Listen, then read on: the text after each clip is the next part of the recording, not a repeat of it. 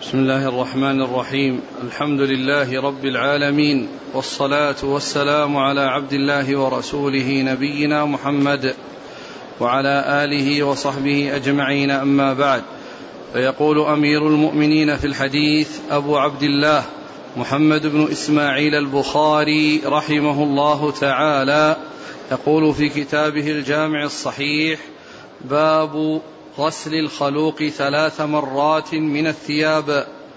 قال قال أبو عاصم أخبرنا ابن جريج قال أخبرني عطاء أن صفوان بن يعلى أخبره أن يعلى رضي الله عنه قال لعمر رضي الله عنه أرني النبي صلى الله عليه وسلم حين يوحى إليه. قال فبينما النبي صلى الله عليه وسلم بالجعرانة ومعه نفر من أصحابه. جاءه رجل فقال يا رسول الله كيف ترى في رجل أحرم بعمرة وهو متضمخ بطيب؟ فسكت النبي صلى الله عليه وسلم ساعة فجاءه الوحي فأشار عمر رضي الله عنه إلى يعلى رضي الله عنه.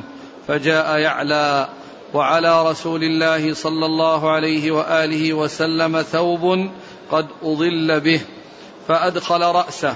فإذا رسول الله صلى الله عليه وسلم محمر الوجه وهو يغط ثم سري عنه فقال أين الذي سأل عن العمرة؟ فأتي برجل فقال اغسل الطيب الذي بك ثلاث مرات وانزع عنك الجبة واصنع في عمرتك كما تصنع في حجتك. قلت لعطاء أراد الانقاء حين أمره أن يغسل ثلاث مرات؟ قال نعم. بسم الله الرحمن الرحيم الحمد لله رب العالمين. وصلى الله وسلم وبارك على عبده ورسوله نبينا محمد وعلى آله وأصحابه أجمعين. يقول الإمام البخاري رحمه الله باب غسل الخلوق. ثلاث مرات من الثياب. باب غسل الخلوق ثلاث مرات من الثياب. الخلوق هو الطيب ويعني يكون آه، المقصود بذلك الطيب مطلقا ويعني والخلوق قيل إنه معه زعفران وهو نوع من الطيب. وإذا كان المحرم آه، قد آه، طيب جسده طيب رأسه قبل الإحرام فإنه يبقيه ويستمر عليه وإن كان حصل منه التطيب بعد الإحرام فعليه أن يزيله فعليه أن يزيله من جسده لأنه إذا وجد بعد الإحرام. أما إذا كان موجودا قبل الإحرام فاستدامته جائزة لأنه يجوز في الاستدامة ما لا يجوز في الابتداء يجوز في الاستدامة ما لا يجوز في الابتداء. يعني ليس الإنسان أن يتطيب وهو محرم ولكنه إذا تطيب قبل الإحرام وكان في جسده فله أن, أن يستمر عليه وأن يستديمه ولا يلزمه أن يغسله. لكن الثياب لا يجوز تطيبها لا قبل الإحرام ولا بعد الإحرام. وإن طيبها قبل الإحرام أو بعد الإحرام فعليه غسلها أو إبدالها فعليه غسلها أو إبدالها بغيرها. يعني فالثياب لا تطيب. الإزار والرداء لا يطيبان عند الإحرام ولا يطيبان بعد الإحرام. ولكنه إذا حصلت الطيب فيهما سواء قبل الإحرام أو بعد الإحرام فإنه يغسل ولا يترك. يعني آه، آه، ويغسله ثلاثا حتى ينقي حتى يعلم بأنه حصل الإنقاء وذهاب الرائحة الطيبة التي حصلت. وعلى هذا فإن الإنسان عندما يحرم له أن يطيب جسده رأسه ويضع الطيب على رأسه أو لحيته لكن لا يطيب ثيابه. وإن طيب ثيابه فإن عليه غسلها وإبدالها.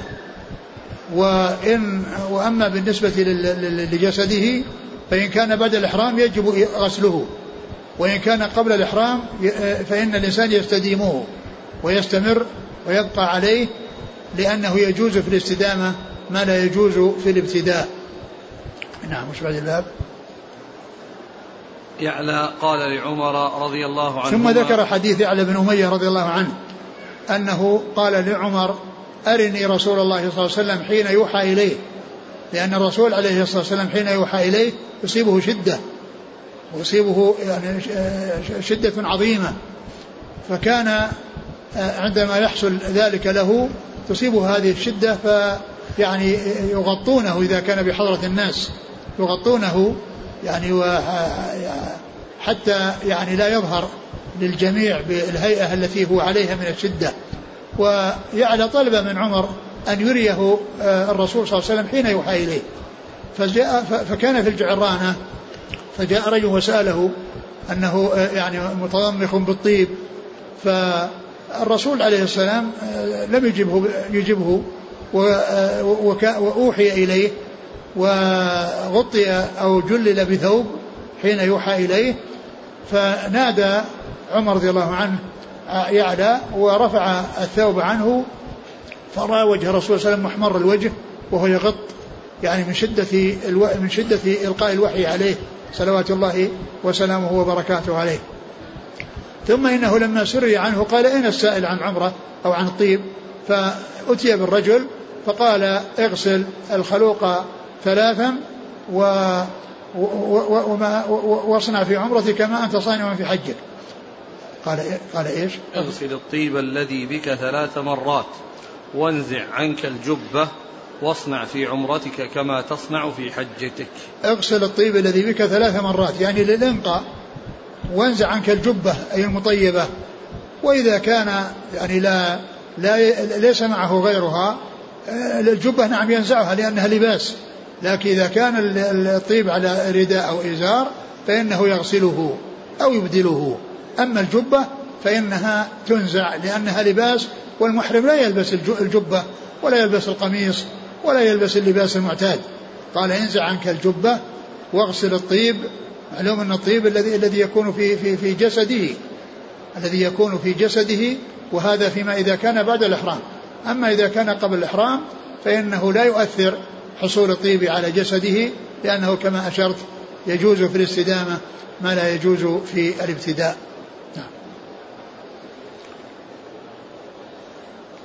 قلت لعطاء أراد الإنقاء حين أمره أن يغسل ثلاث مرات؟ قال نعم. نعم قلت لعطاء أراد الإنقاء حين أمره أن يغسل ثلاثة يعني المقصود بالتثليث والإنقاء. قال نعم يعني المقصود من ذلك التحقق من زوال الطيب وذهاب الطيب. لكن قول أغسل الطيب الذي بك ليس يعني على بدنه. لا على بدنه لأن الجبة تنزع لأنها لباس والمحرم لا يلبس المخيط. لا يلبس الجبة ولا يلبس يعني القميص ولا يلبس الفنايل وغيرها. والغسل إنما هو من جسده لأن الجبة تنزع بما فيها. الجبة تنزع بما فيها لأنها لو لو نقيت من الطيب فلبسها غير جائز. لكن هذا في جسده وهذا محمول على أنه بعد الإحرام على أنه بعد الإحرام. أما كان ما كان قبل الإحرام فقد جاء ما يدل على جواز استدامته. ولكن الترجمة غسل الخلوق ثلاث مرات من الثياب. من الثياب؟ هذا إذا كانت إذا كانت هي الثياب ثياب الإحرام. أما الجبة ليست ثياب إحرام. الجبة تنزع سواء فيها طيب ولا ما فيها طيب. وأما ثياب الإحرام إذا صار عليها شيء فإنها تغسل. إذا إذا إذا صار يعني عليها طيب فإنها تغسل ثياب الإحرام الإزار والرداء لأن هذا لباس الإحرام فهو يغسله إذا كان فيه. وجسده إذا كان الطيب يعني بعد الإحرام يغسله لأنه لا يجوز التطيب فيزيل ما أتى به بعد الإحرام.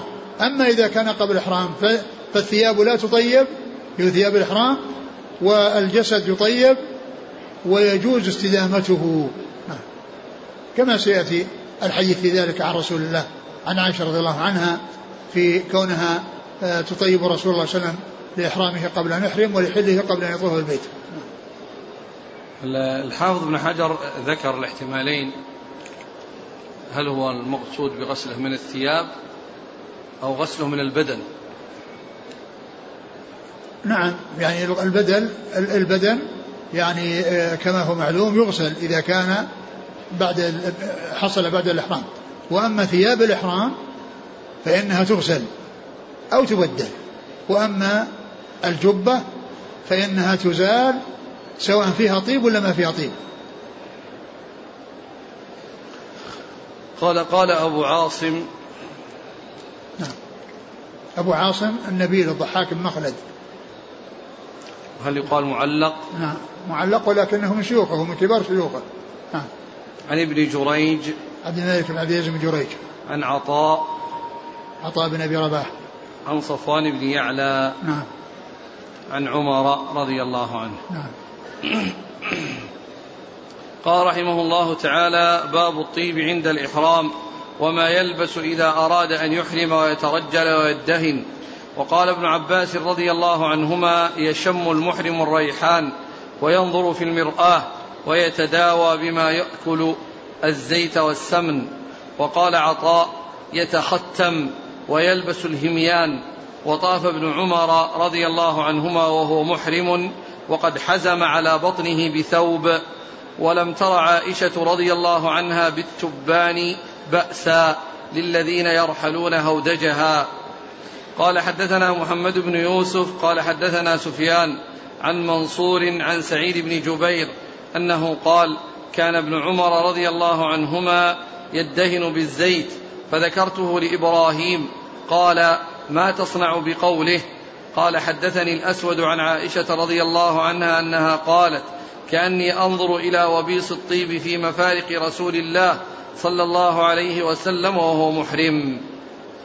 ثم قال باب الطيب عند الإحرام وما يلبس إذا أراد أن يحرم ويترجل باب ويدهن. باب الطيب, باب الطيب عند الإحرام. يعني قبل أن يحرم وليس بعد الإحرام. لأنه بعد الإحرام لا يجوز استعمال الطيب لأنه دخل في النسك. أما قبله فله أن يتطيب يعني يطيب جسده ولا يطيب ثيابه. لا يطيب ثياب الإحرام وإنما يطيب جسده يطيب رأسه ولحيته يجعل الطيب فيهما. هذا جاءت به السنة عن رسول الله صلى الله عليه وسلم. وباب الطيب عند الإحرام.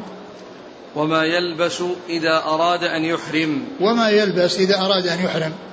وما يلبس إذا أراد أن يحرم يعني يلبس إزارا ورداء الذي هو لباس الإحرام.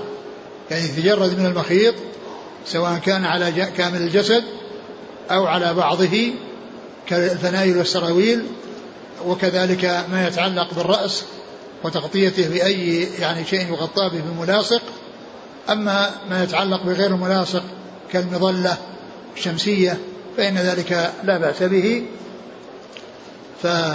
فأنه يلبس الإزار والرداء. يعني لبسوه إزار ورداء ولا يلبس غيرهما من الألبسة الأخرى التي هي مخيطة سواء كانت على قدر الجسد الكامل كالقميص أو على بعضه كالسراويل والفنايل. نعم. قال وما يلبس إذا أراد أن يحرم ويترجل ويدهن. يعني إذا أراد أن يحرم يعني معناه أنه يحرم وقد لبس. فهو عندما يحرم يكون قد لبس لباس الإحرام الذي هو الإزار والرداء وما يلبس إذا أراد أن يحرم يعني الذي هو لباس الإحرام وهو الإزار والرداء. نعم.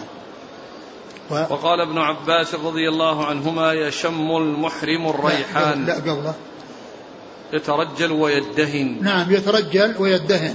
يترجل يعني يسرح شعره يعني شعر لحيته ورأسه إذا كان يعني يعني له رأس. فإنه يترجل يعني يسرحه ويدهن يعني يدهن بالدهن يعني بالدهن يعني الزيت يعني ليس بطيب. قال قال ابن عمر. وقال ابن عباس. وقال ابن عباس. يشم المحرم الريحان. لا, لا راح هذا كلام البخاري اي نعم. نعم وقال ابن عباس يشم الريحان. وقال ابن عباس يشم الريحان. الريحان هو يعني آه يعني فيه طيب. وابن عباس رضي الله عنه قال أنه يشمه والمقصود الشم أن يدنيه من أنفه ويشمه. أما كونه يشم شيء من بعيد هذا لا يؤثر عليه. كونه يشم أو يعني فيه رائحة حوله فيشم هذا ما, ما, ما له قدرة على التصرف فيها. وإنما الذي يقدر عليه هو كونه يشمه يدنيه من, من أنفه فيشمه.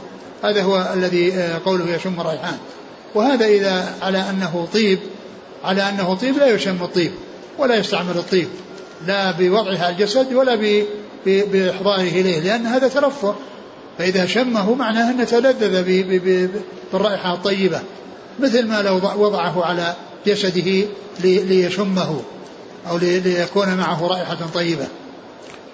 نعم. وينظر في المرآة. وينظر في المرآة يعني لا بأس بذلك يعني كونه يرى وجهه في المرآة. لأن هذا يعني أمر سائق وجائز وليس فيه وإن كان وإن كان أنه ليس فيه يعني معناه أنه التنعم الذي يعني يمنع منه بل هذا ينظر وجهه يعني حتى يصلح ما فيه إذا كان شيء يحتاج إلى إصلاح فإن ذلك لا بأس به في الإحرام. نعم. ويتداوى بما يأكل الزيت والسمن. ويتداوى بما يأكل. الدواء يكون بالمأكول وغير المأكول مما كان حلالا. ومما كان ليس بحرام وليس بنجس فإنه يتداوى ويتداوى بما يؤكل مثل الزيت والسمن. إذا كان التداوي بالزيت أو السمن يعني على جرح أو على شيء فإن ذلك سائر لا يقال أن هذا طعام فلا يتداوى به ولا يوضع على الجسد بل يوضع على الجسد. عند إذا كان فيه علاج وفيه شفاء لبعض الأمراض. نعم. وقال عطاء يتختم ويلبس الهميان. وقال عطاء يتختم يعني يلبس الخاتم. له أن يلبس الخاتم ويلبس الهميان الذي على وسط الإنسان والذي يكون فيه النقود. يعني يلبسه لا بأس بذلك حتى ولو كان مخيطا. ولو كان مخيطا لأن لأن لبس الهميان ولو كان مخيطا هذا مثل لبس النعال ولو كان إذا كانت مخيطة. أو لبس الخفاف إذا كانت مخيطة.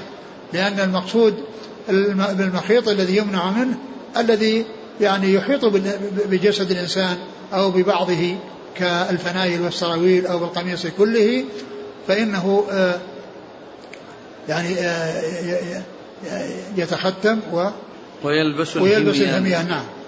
يعني ومعنى ذلك آه، وكذلك يعني كونه يلبس الساعة كونه عليه ساعة وكذلك كونه يعني يعني أقول مثل هذه الأشياء لا بأس بها.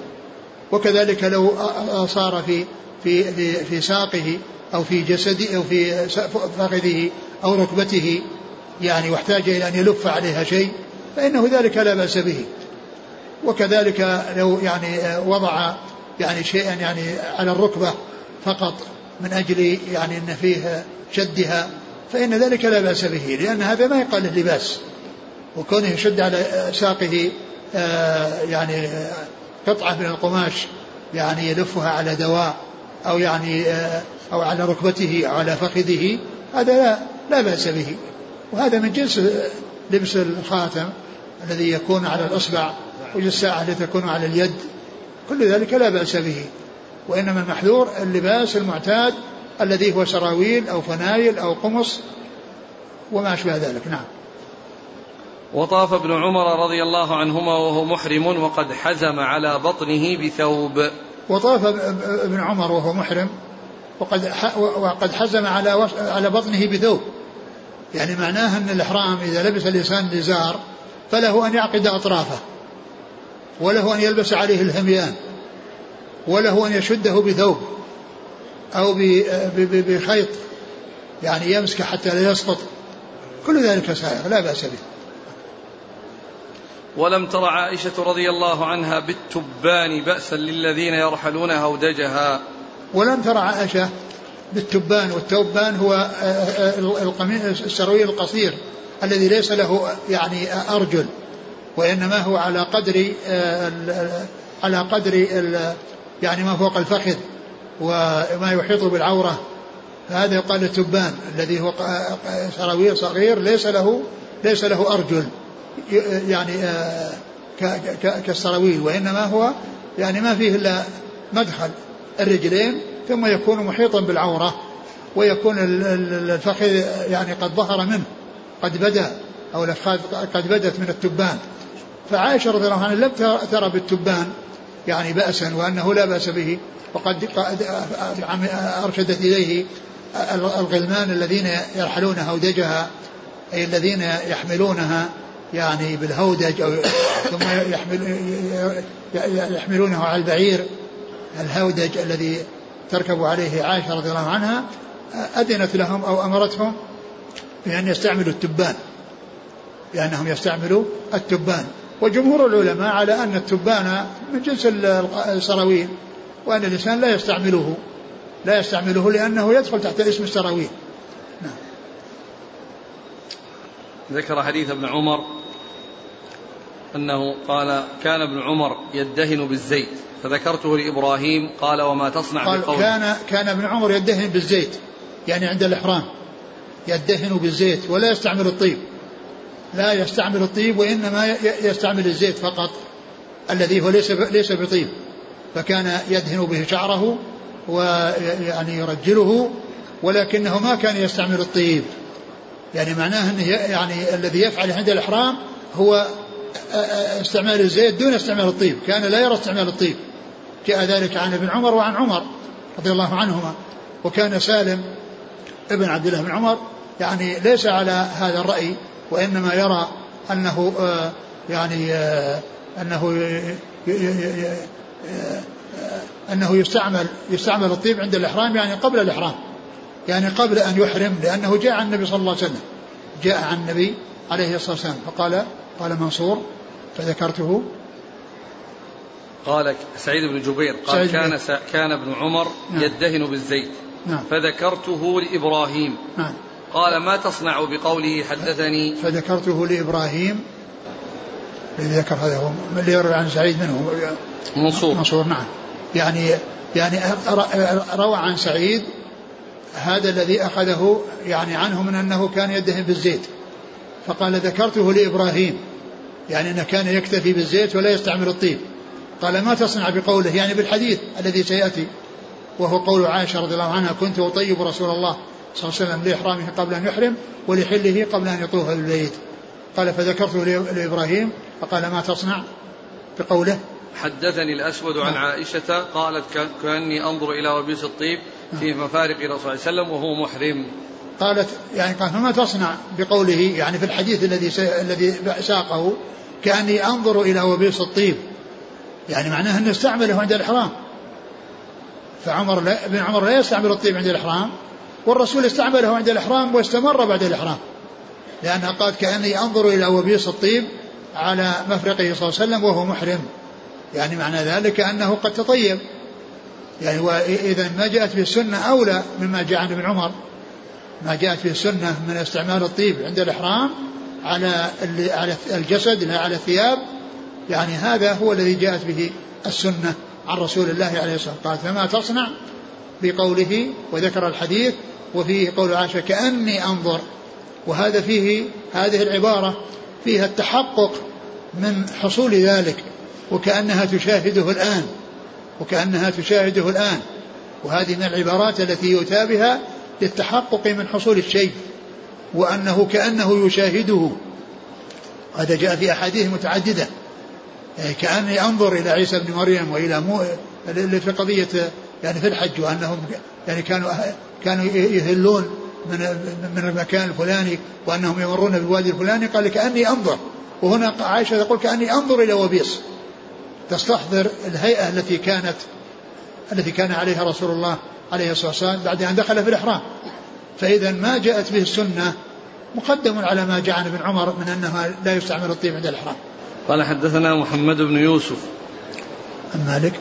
محمد يوسف فريابي. نعم. عن سفيان. سفيان الثوري. عن منصور. ابن المعتمر.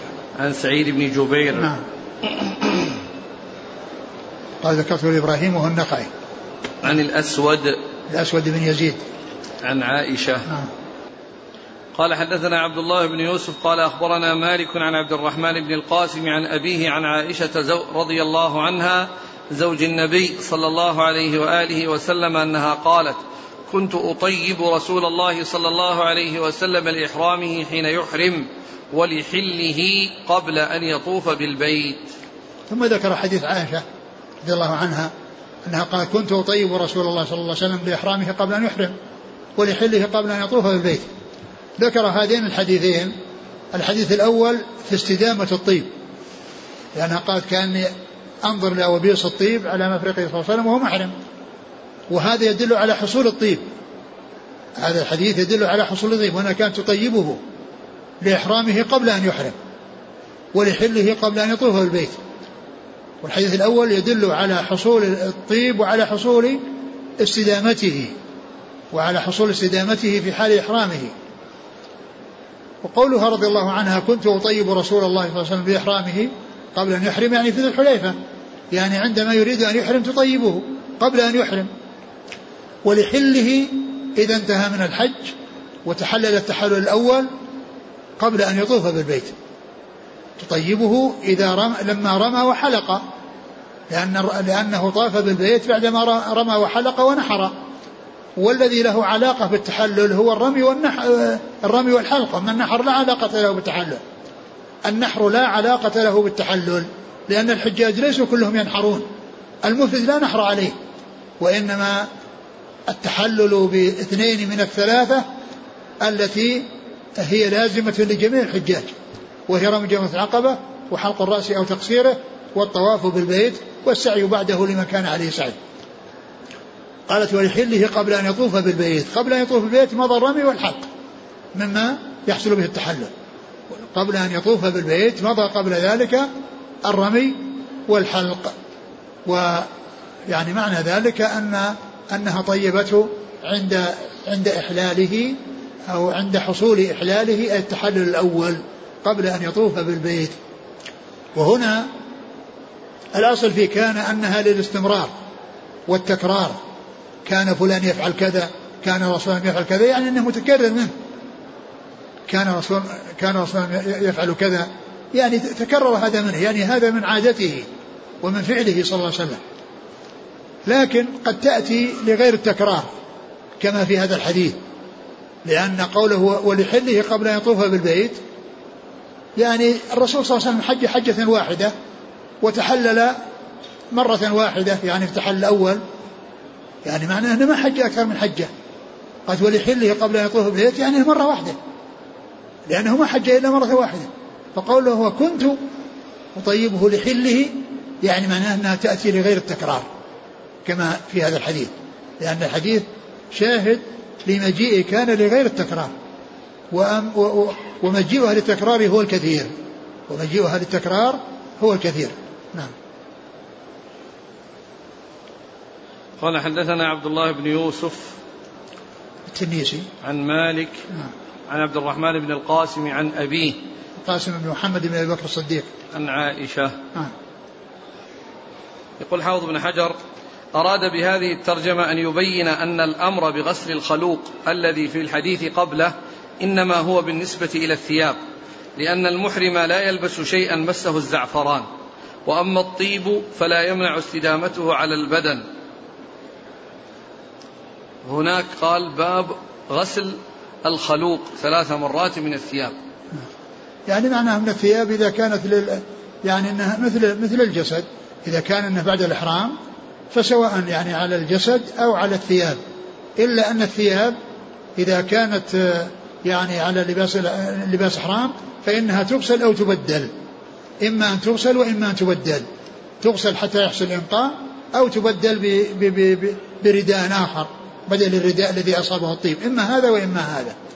فال فإذا كان إذا كان قبل الإحرام فما كان على الثياب فإنه يغسل. بعد قبل الإحرام وبعده قبل الإحرام أو بعده. يغسل أو يبدل. أي لباس الإحرام.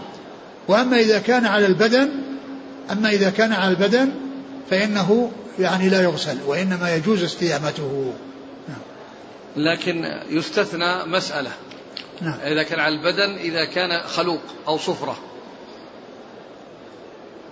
لورود النهي عن التزعفر وأثر الصفرة على البدن وكذلك الورس جاء فيه الزعفران والورس فإذا بقي شيء على البدن يزال حتى بعد الإحرام نعم يعني إذا كان لا وبيص وبيص هذاك كان شيء موجود مسك. كان نعم مسك. صح نعم مسك نعم, نعم. قال الحافظ ابن حجر البخاري على عادته يشير إلى ما وقع في بعض طرق الحديث الذي يريده وسيأتي في محرمات الإحرام بلفظ عليه قميص فيه أثر صفرة والخلوق في العادة إنما يكون في الثوب.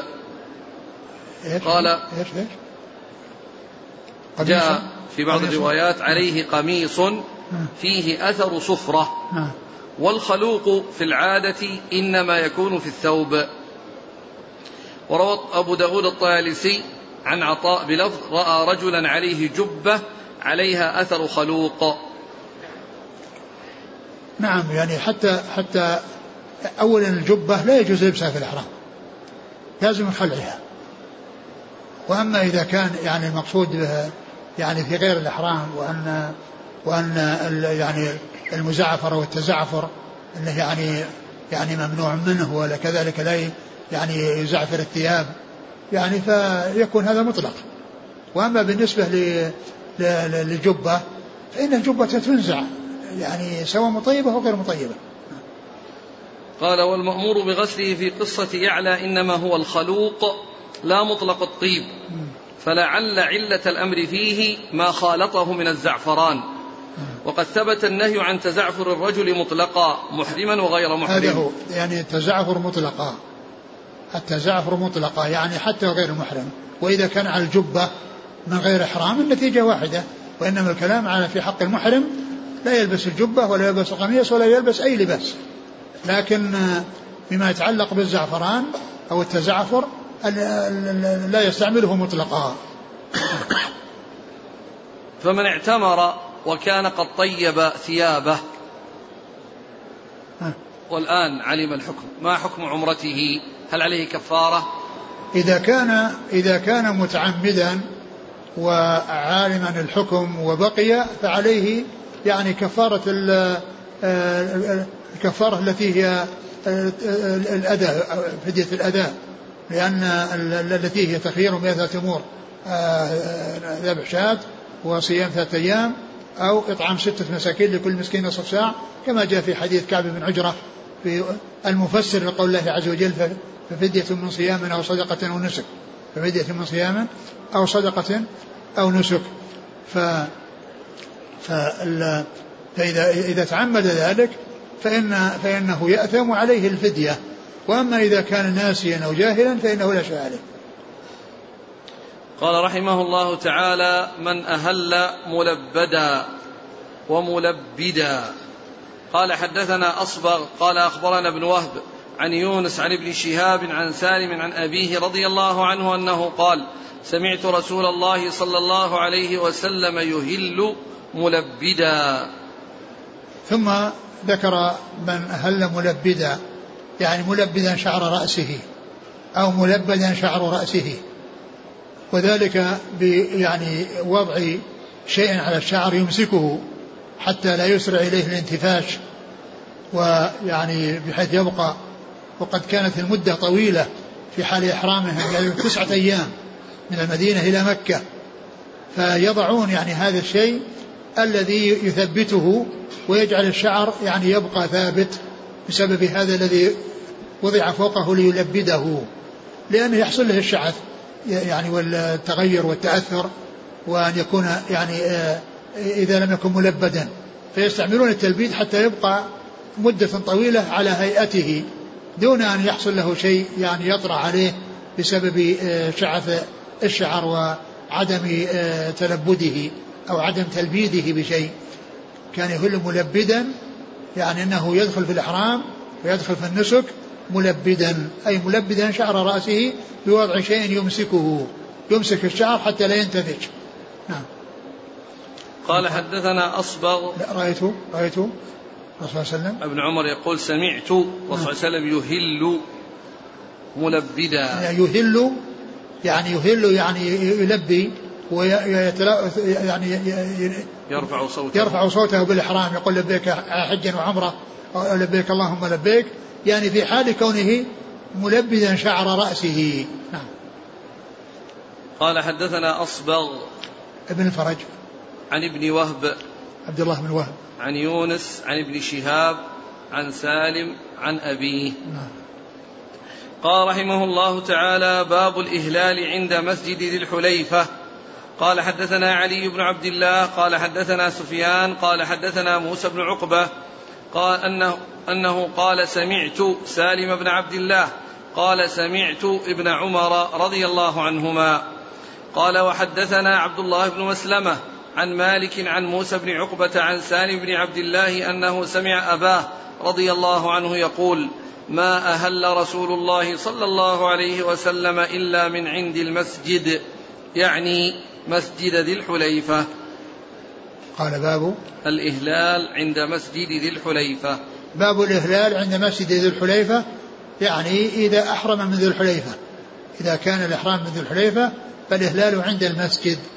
الإهلال عند المسجد يعني بعد أن يصلي ويخرج من المسجد ويركب دابته فإنه يحصل منه الدخول في الإحرام وهذا هو الذي ثبت عن رسول الله صلى الله عليه وسلم. ولو أنه أحرم وهو في الأرض أو, أو, أو, أو نواه في المسجد يصح لكن فعل الذي فعله الرسول عليه الصلاة والسلام وأن ذلك عندما يركب مركوبة هذا هو, هو, هو الأولى وهو المستحب. الذي ينبغي, ينبغي أن يفعله الإنسان. وهنا قال عند عند عند المسجد يعني أنه سواء كان يعني آه، راكبا أو أو أو, أو, في الأرض كل ذلك صحيح ولكن السنة أن يؤتى بما فعله الرسول عليه الصلاة والسلام وهو عند استواء راحلته به. فإذا ركب مركوبه من دابة أو سيارة ويعني أرادت أن تتحرك فإنه يدخل في الإحرام ويهل بالنسك الذي يريده. إن كان حجا يقول لبيك حجا وإن كان عمرة يقول لبيك عمرة وإن كان قرانا يقول لبيك عمرة وحجا. قال حدثنا علي بن عبد الله ابن المديني. عن سفيان بن عيينة. عن موسى بن عقبة عن سالم بن عبد الله عن أبيه. نعم. قال وحدثنا عبد الله بن مسلمة عن أبيه عن مالك عن موسى بن عقبة عن سالم بن عبد الله عن أبيه. قال رحمه الله تعالى باب ما لا يلبس باب ما لا يلبس المحرم من الثياب. قال حدثنا عبد الله بن يوسف قال أخبرنا مالك عن نافع عن عبد الله بن عمر رضي الله عنهما أن رجلا قال يا رسول الله ما يلبس المحرم من الثياب؟ قال رسول الله صلى الله عليه وسلم لا يلبس لا يلبس القمص ولا العمائم ولا السراويلات ولا البرانس ولا الخفاف. إلا أحد لا يجد نعلين فليلبس خفين وليقطعهما أسفل من الكعبين. ولا تلبسوا من الثياب شيئا مسه الزعفران أو ورس. ثم ذكر باب ما لا يلبس المحرم من الثياب. يعني آه، آه، آه، أورد حديث ابن عمر وفيه سؤال الرجل للرسول عليه السلام عما يلبس المحرم. فأجابه بما لا يلبس. والبخاري رحمه الله ترجم عقد الترجمة على جواب الرسول صلى الله عليه وسلم وليس على سؤال السائل لأن السائل سأل عما يلبس والجواب من رسول الله عليه السلام بما لا يلبس. و و والترجمة مطابقة لجواب الرسول عليه الصلاة والسلام. وإنما أجاب النبي عليه الصلاة والسلام لما سئل عما يلبس بما لا يلبس لأن أجاب بالمحصور. لأن الذي لا يفعل هو محصور. وما سوى ذلك فإنه مباح. وما سوى ذلك فإنه مباح. وهذا يعني يسمونه أسلوب الحكيم. يعني كونه يسأل عن شيء فيجيب بشيء يعني كان ينبغي أن يكون السؤال عنه. كان ينبغي أن يكون السؤال, سؤال يكون السؤال عنه. وأن يكون السؤال عما لا يلبس. فسأل الرجل عما يلبس فأجيب بما لا يلبس. أجيب بما لا يلبس. البخاري رحمه الله كان ترجمته مبنية على أو يعني مطابقة لجوابه صلى الله عليه وسلم. فأخبره بأنه لا يلبس هذه الأشياء ويلبس ما سواها ويلبس شيء كل شيء سواها. قال لا يلبس المحرم القمص قمص القميص الذي يكون على جسد الإنسان وهو أكمل لباس وكان هو أحب اللباس إلى الرسول عليه الصلاة والسلام لأن فيه ستر جميع الجسد من الكتفين إلى إلى يعني ما يقرب من الكعبين أو إلى ما فوق الكعبين. أما الكعبان فلا يجوز النزول عنهما لقوله صلى الله عليه وسلم ما أسفل من الكعبين فهو في النار. ما أسفل من الكعبين فهو في النار. لا يلبس المحرم القمص. ولا العمائم التي تغطى بها الرؤوس يعني سواء كانت يعني آه، ملفوفة عن طريق اللف أو عن طريق الصناعة وأنها على قدر الرأس. مثل الطاقية ومثل يعني غيرها من الأشياء التي تكون مفصلة على قدر الرأس. فيعني لا يلبس العمائم يعني كل ما يغطى به الرأس لا يغطي الإنسان رأسه في حال إحرامه. يعني سواء كان الغطاء يعني بشيء على قدر الرأس أو يعني شيء يلف على الرأس. المهم أن الرأس لا يغطى بملاصق. أما يعني كون الإنسان يعني بيكون غير ملاصق بأن يكون مثلا يستعمل مظلة تظله عن الشمس. فإن ذلك سائغ ولا بأس به وإنما المحذور اللباس المعتاد الذي يكون على الرأس. سواء كان يعني مفصلا على قدر الرأس أو يلف على على الرأس. نعم لا يلبس المحرم القمص ولا العمائم ولا السراويلات. السراويلات التي هي على على قدر نصف الإنسان الأسفل النصف الأسفل لأن هذا لبس يعني من لباس معتاد. ومثلها الفنايل التي يكون على على على الرأس على على على الجسد من دون الرأس. على الجسد من دون الرأس. فإن هذا يعني آه، يغطي آه، لباس معتاد يغطي بعض الجسد. فلا يغطى الجسد لا كله ولا بعضه. يعني بالفنيلة ومثل السراويل. أما التغطية بالنسبة للرجلين فالإنسان يلبس عليه وفي هذا الحديث أن الرسول عليه الصلاة والسلام أن من لم يجد عليه يقطعهما حتى يكون أسفل من الكعبين. حتى يكون أسفل من الكعبين. وإذا كانت الخفان آه يعني مفصلة على ما دون الكعبين فيجوز لبسها لأن لأنها مثل النعلين. إذا كان تفصيلها على أن الكعبان باديين فذلك سائغ لأن الممنوع هو تغطية الكعبين. لكنه جاء عن النبي عليه الصلاة والسلام في آخر الأمر وكان في عرفة ما يدل على لبس لبسهما من دون قطع. لأنه قال في في في في حجة الوداع في عرفة من لم يجد إزارا فليلبس السراويل ومن لم يجد نعلين فليلبس الخفين وما قال فليقطعهما أسفل الكعبين لأن الذي فيه القطع متقدم. والذي فيه هذا متأخر وقد عبر بعدم الوجدان فإذا لم يجد الإنسان إزارا يلبس السراويل يلبس السراويل وإذا لم يجد يعني آه، نعلين يلبس الخفين بدون قطع وأنه لا بأس بذلك. وهذا عند الحاجة. أما أن يلبسهما يعني آه، الخفين من غير قطع أو من غير أن تكون نازلة يعني فهذا لا يسوق. إلا عند عدم وجدان النعلين. وإذا كان الخفان آه، آه، قد فصل على أن الكعبين بادية فإنه يجوز لبسهما لأنه يجوز لبسهما. لا يلبس المحرم القمص ولا العمائم ولا السراويلات ولا الخفاف. ولا البرانس. ولا البرانس الذي يعني الذي يغطى به الرأس مما كان متصلا متصلا بالثوب. نعم. ولا الخفاف إلا أحد لا يجد نعلين فليلبس خفين وليقطعهما أسفل من الكعبين. وهذا و... قاله في المدينة يعني قبل السفر للحج ولكنه جاء ما يدل على نسخ ذلك في حديث ابن عباس في آه، ما قاله النبي عليه الصلاة والسلام في يوم في عرفة. نعم. ولا تلبسوا من الثياب شيئا مسه الزعفران أو ورس ولا تلبسوا من الثياب شيئا مسه الزعفران والورس يعني الإنسان يتجنب الطيب مطلقا في حال في حال إحرامه. نعم. قال حدثنا عبد الله بن يوسف عن مالك عن نافع عن ابن عمر. قال رحمه الله تعالى باب الركوب والارتداف في الحج. قال حدثنا عبد الله بن محمد قال حدثنا وهب بن جرير قال حدثنا أبي عن يونس الأيلي عن الزهري عن عبيد الله بن عبد الله عن ابن عباس رضي الله عنهما أن أسامة رضي الله عنه كان ردف النبي صلى الله عليه وسلم من عرفة إلى المزدلفة ثم أردف الفضل رضي الله عنه من المزدلفة إلى منى. قال فكلاهما قال لم يزل النبي صلى الله عليه وسلم يلبي حتى رمى جمرة العقبة.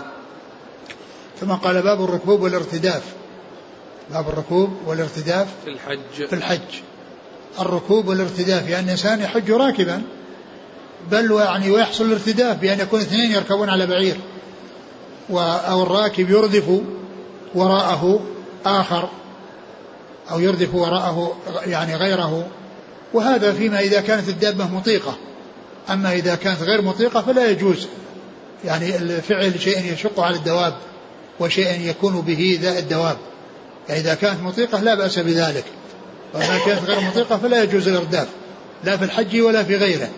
لكنه هنا ذكر الحج على أن الركوب فيه آه، فعله الرسول عليه الصلاة والسلام. وقد سبق أن مر بنا عند قوله عند باب قوله آه، يأتوك رجال وعلى كل ضامر يأتينا من كل فج عميق أن العلماء اختلفوا أيهما أفضل أن يحج راكبا أو يحب أن يحج ماشيا. فبعض العلم قال آه، أنه الحج ماشيا أفضل لأن فيه كثرة التعب والنصب ولأن الله قدمه في الذكر ولأن الله قدمه في الذكر على الركوب. قال يأتوك رجالا وعلى كل ضامر رجالا يمشون وعلى كل ضامر راكبين. ويعني بعض أهل العلم قال إن الركوب أفضل لأن فيه الرفق بالإنسان وعدم المشقة عليه ولأن الرسول صلى الله عليه وسلم فعله. وهذا هو الأصل وهذا هو الأصل أن ما فعله الرسول عليه الصلاة والسلام هو الأفضل فكونه حج راكبا أفضل من الحج ماشيا الاقتداء بالرسول عليه الصلاة والسلام. ثم أيضا مع كون الإنسان يركب في الحج له أن يردف غيره على الدابة. له أن يردف ولكن بشرط أن تكون مطيقة. ثم ذكر هذا الحديث الذي فيه أن النبي صلى الله عليه وسلم أردف أسامة بن زيد من عرفة إلى مزدلفة وأردف الفضل بن العباس من مزدلفة إلى منى وكلاهما قال إن الرسول عليه الصلاة والسلام لم يزل يلبي حتى رمى جمرة العقبة. لم يزل يلبي حتى رمى جمرة العقبة. وهذا فيه بيان انتهاء التلبية بالنسبة للحجاج. وأن الحجاج ينتهون من التلبية إذا إذا رموا الجمرة. ومن العلماء من قال عند الابتداء الرمي ومنهم من قال عند انتهائه وقد جاء في بعض الحديث الصحيحة ما يفسر هذا الإجمال وأنه عند انتهاء الرمي وأنه عند انتهاء الرمي يقطع التلبية. ف فالرسول عليه الصلاة والسلام أردف أسامة بن زيد من عرفة إلى مزدلفة ومن مزدلفة إلى منى أردف الفضل بن عباس قال وكلاهما. أما الثاني الذي هو الفضل فكان رديفة وهو مشاهد ذلك. أما بالنسبة لأسامة فإنه انتهى ركوبه بمزدلفة ولكنه كان عند الرمي عند الرمي يعني آه، آه، يعني مع الرسول صلى الله عليه وسلم وهو, وهو غير راكب. يعني وإنما كان يعني ليس رديفا للرسول صلى الله عليه وسلم. فإذا قوله وكلاهما قال هذا لكونه رديفة وقريب منه اللي هو الفضل وأما أسامة فإنه كان معه عند الرمي أو كان يشاهده عند الرمي فقال فكلاهما قال لم يزل يلبي حتى رمى جمرة العقبة نعم. قال حدثنا عبد الله بن محمد نعم الجعفي نعم. المسندي نعم. عن وهب بن جرير نعم ابن حازم نعم. عن أبيه نعم عن يونس الأيلي عن الزهري عن عبيد الله بن عبد الله نعم. عن ابن عباس هذا عبيد الله بن عبد الله بن عتبة بن مسعود أحد فقهاء المدينة السبعة نعم. قال رحمه الله تعالى باب ما يلبس المحرم من الثياب والأردية والأزر ولبست عائشة رضي الله عنها الثياب المعصفرة وهي محرمة وقالت لا تلثم ولا تتبرقع ولا تلبس ثوبا بورس ولا زعفران. وقال جابر لا أرى المعصفر طيبا. ولم تر عائشة بأسا بالحلي والثوب الأسود والمورد والخف للمرأة. وقال إبراهيم لا بأس أن يبدل ثيابه. قال حدثنا محمد بن أبي بكر المقدمي. قال حدثنا فضيل بن سليمان. قال حدثنا قال حدثني موسى بن عقبة. قال أخبرني كريب عن عبد الله بن عباس رضي الله عنهما أنه قال انطلق النبي صلى الله عليه وآله وسلم من المدينة بعدما ترجل وادهن ولبس إزاره ورداءه هو وأصحابه فلم ينه عن شيء من الأردية والأزر تلبس إلا المزعفرة التي تردع على الجلد. فأصبح بذي الحليفة ركب راحلته حتى استوى على البيداء أهل هو وأصحابه وقلد بدنته وذلك لخمس بقين من ذي القعدة فقدم مكة لأربع, لأربع ليال خلون من ذي الحجة فطاف بالبيت وسعى بين الصفا والمروة ولم يحل من أجل بدنه لأنه قلدها. ثم نزل بأعلى مكة عند الحجون وهو مهل وهو مهل بالحج. ولم يقرب الكعبة بعد طوافه بها حتى رجع من عرفة وأمر أصحابه أن يطوفوا بالبيت وبين الصفا والمروة ثم يقصروا من رؤوسهم ثم يحلوا وذلك لمن لم يكن معه بدنة وذلك لمن لم يكن معه بدنة قلدها ومن كانت معه امرأته فهي له حلال والطيب والثياب. ثم قال باب باب؟ ما يلبس المحرم من الثياب والأردية والأزر. باب ما يلبس المحرم من الثياب والأردية والأزر. يعني المحرم يلبس الإزار والرداء ولباسه في الإحرام إزار ورداء ولا يلبس شيئا غير ذلك. لا يلبس غير شيء ذلك من الملبوسات. والنساء تلبس ما اعتادت من الثياب تلبس ما اعتادت من الثياب إلا أن لا تلبس الشيء الذي فيه زينة وفتنة ولا تلبس الشيء الذي فيه مشابهة للرجال وإلا فإنها تلبس ما شاءت من اللباس. ثم ذكر آثار وحديث في ذلك عن رسول الله عليه الصلاة والسلام. قال في ولبست عائشة رضي الله عنها الثياب المعصفرة وهي محرمة. ولبست عائشة رضي الله عنها الثياب المعصفرة وهي محرمة. وقالت إن هذا ليس بطيب. ويعني والرجال لا يلبسون يعني يعني المزعفر والمعصفر. نعم. وقالت لا تلثم ولا تتبرقع وقالت عن المرأة المحرمة لا تتلثم وإنما تكشف وجهها تكشف وجهها في حال إحرامها ولا تلبس اللثام الذي يغطي يعني بعض أسفل وجهها ولا تتبرقع يعني تلبس البرقع التي تظهر منه عيناها التي تظهر منها عيناها لكن يعني جاء ما يدل على أنها تغطي وجهها بالخمار. عندما تكون عند الرجال الأجانب عندما تكون عند الرجال الأجانب وهذا جاء يعني فيه يعني أثر عن عائشة فيه كلام وجاء أثر عن أم سلمة يعني صحيح ويعني ذكر ابن المنذر الإجماع يعني آه، الإجماع على ذلك وأن المرأة تغطي وجهها عند الرجال الأجانب يعني في حال إحرامها. نعم. ولا, تلبس ثوبا بورس ولا زعفران. ولا تلبس ثوبا بورس ولا زعفران اللي هو نوع من الطيب والذي قال ولا ولا تنتقل ولا يلبس المحرم شيء من الثياب مسه زعفران أو ورس. يعني لا تستعمل الورس والزعفران. نعم. وقال جابر لا أرى المعصفر طيبا. وقال جابر لا أرى المعصفر طيبا. لا أرى المعصفر طيبا يعني هو الذي الذي يعني آه، من العصفر الذي كان من العصفر المعصفر هو يعني كونه يصير على الثياب ليس طيب ولكنه جاء ما يدل على المنع من من المعصفر والمزعفر. آه. ولم تر عائشة بأسا بالحلي والثوب الأسود والمورد والخف للمرأة. ولم تر عائشة بأسا بالحلي. بالحلي يعني كانت تلبس الحلي. يعني ولكنها لا تظهره تخفيه إذا كان في يديها تخفي يديها وكذلك يعني تخفي الحلي فلا تبرزه ولا يراه أحد يفتتن به. وإذا كان عليها حلي يعني في يدها أو ذراعها أو يعني هذا فإنها لها أن تبقيه لا يلزمها لا يلزمها أن تنزعه ولكن عليها أن تخفيه حتى لا يفتتن به.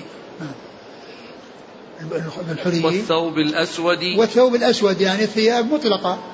تلبس ما شاءت من الثياب سواء أسود أو غير ذلك بشرط ألا يكون فيه مشابهة للرجال وألا يكون فيه فتنة. زينة. نعم. والمورد. والمورد الذي يعني يعني صبغ بالورد أو يعني غسل بالورد. نعم.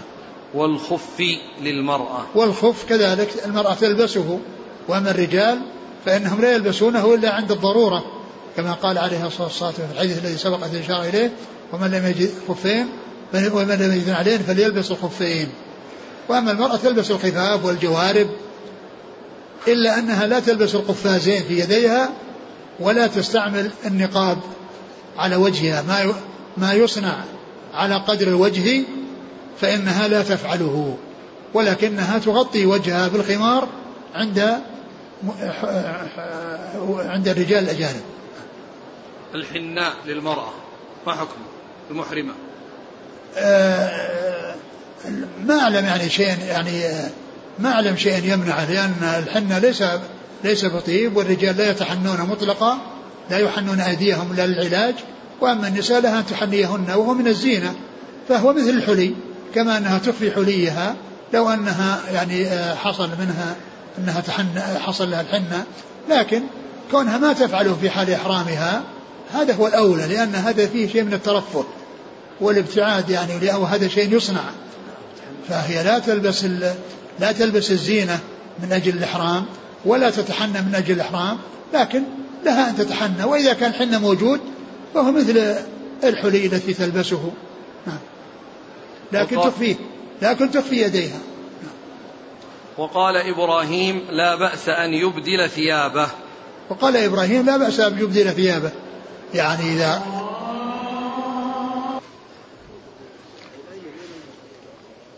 وقال إبراهيم النخعي لا بأس أن يبدل ثيابه. يعني ثياب الإحرام. فله يعني أن يبدل ثيابه إذا اتسخت له أن يغسلها وله أن يبدلها. له أن يغسل ثياب الإحرام إذا اتسخت وله أن يبدلها.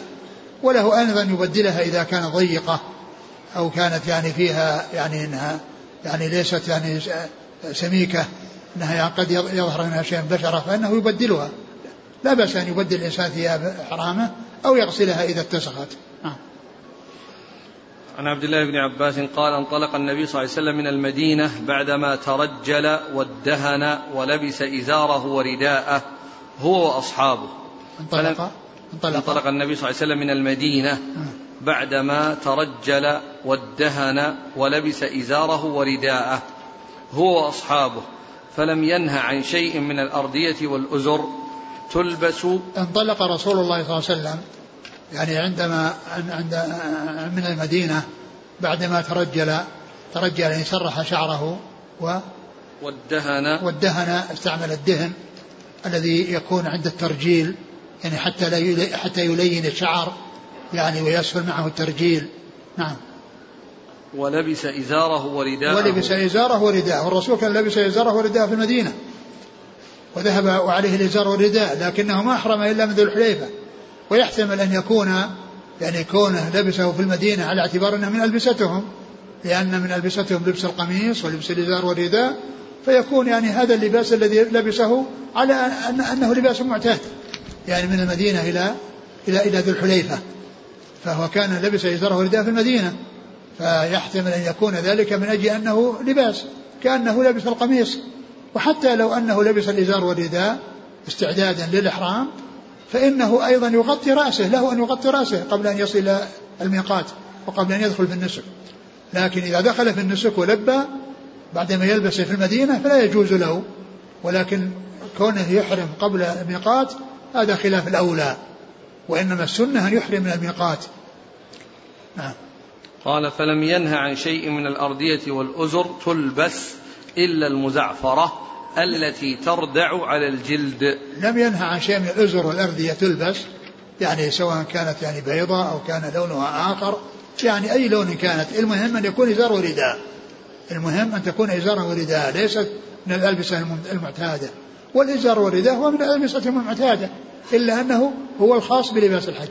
إلا وأنه هو اللباس الخاص بالحج. ولم ينهى عن شيء. من الأزر من من الأردية والأزر تلبس إلا المزعفرة. المزعفرة هي التي يعني عليها الزعفران. التي تردع تردع على الجلد. يعني يظهر الأثر من من منها على الجلد أو على الجسد. وكذلك الطيب. يعني لا يستعمل يعني مطلقة. أي أي الطيب في ثيابه ثياب الإحرام أبدا مطلقة. وعليه أن يغسله أو يبدله. نعم سواء كان قبل الإحرام وبعد الإحرام. لأن تطيب الثوب قبل الإحرام لا يجوز. لكن تطيب الجسد تطيب الرأس لا بأس. نعم. فأصبح بذي الحليفة. فأصبح بذي الحليفة. يعني جاء يعني بيان آه، ذهابه صلى الله عليه وسلم من من المدينة إلى الحليفة. وأنه بعد صلاة الظهر لأنه صلى الظهر أربعا. صلى الظهر أربعا في المدينة ثم ذهب وصلى العصر في ذو الحليفة ركعتين قصر. قصر لأنه بدأ بالسفر وصلى العصر بذي الحليفة ثم صلى بها المغرب والعشاء والفجر والظهر. وبعد صلاة الظهر أحرم عليه الصلاة والسلام وذهب إلى مكة فجلس فيها صلى فيها خمس صلوات العصر والمغرب والعشاء والفجر والظهر. وانطلق بعد صلاة الظهر عليه الصلاة والسلام. فأصبح بذي الحليفة ركب راحلته حتى استوى على البيداء أهل هو وأصحابه. يعني عندما دخل في الإحرام عندما أراد أن يدخل في الإحرام يعني ركب دابته وقد جاء ما يدل على أنه يعني أنه لبى يعني في البيدة والبيدة هي المكان المرتفع بعد الوادي. الذي فوق الوادي والذي يتجاوز الوادي فيبدأ بالبيدة ويعني وجاء أنه عندما استوت به وهذا هو المشهور ويكون يعني هذا التفاوت على أن بعض الناس سمع يعني التلبية في هذا المكان وبعضهم سمعها بهذا المكان. نعم. أهل بالبيداء أهل هو وأصحابه وقلد بدنته؟ وقلد بدنته يعني بدنه لأن هنا بدنته مفرد مضاف إلى معرفة. والمفرد إذا مضاف معرفة يراد به الجمع ويراد به الجنس لأن الرسول صلى الله عليه وسلم أهدى مئة من الإبل. أهدى مئة من الإبل لم يهدي بدنة واحدة وإنما أهدى مئة من الإبل عليه الصلاة والسلام يعني قلب بدنته يعني بدنه لأن المفرد إذا أضيف إلى معرفة يعم مثل وإن تعدوا نعمة الله لا تحصوها. وإن تعدوا نعمة الله يعني نعم الله. وإن تعدوا نعمة الله لا تحصوها. ومثل قوله في القراءة قراءة جمهور القراء في آخر سورة التحريم. ومريم ابنة عمرو التي أحسنت فرجها فنفخنا فيه من روحنا وصدقت بكلمات ربها وكتابه. جمهور القراء على كتابه والقراءة التي بين أيدينا وكتبه. ولا ولا تنافي ولا فرق بين كتابه وكتبه. لأن المفرد إذا أضيف إلى معرفة يراد به الجمع. فتكون القراءتان متفقتان على أن مقصود الكتب. نعم. وقل وذلك لخمس بقين من ذي القعدة. يعني هذا الخروج من من من, من, من للحج لخمس بقين من ذي القعدة واستمع ووصل لخم لأربع ليال خلونا من ذي الحجة يعني ضحى ضحى يوم الرابع. نعم. فقدم مكة لأربع ليال خلون من ذي الحجة فطاف بالبيت وسعى بين الصفا والمروة ولم يحل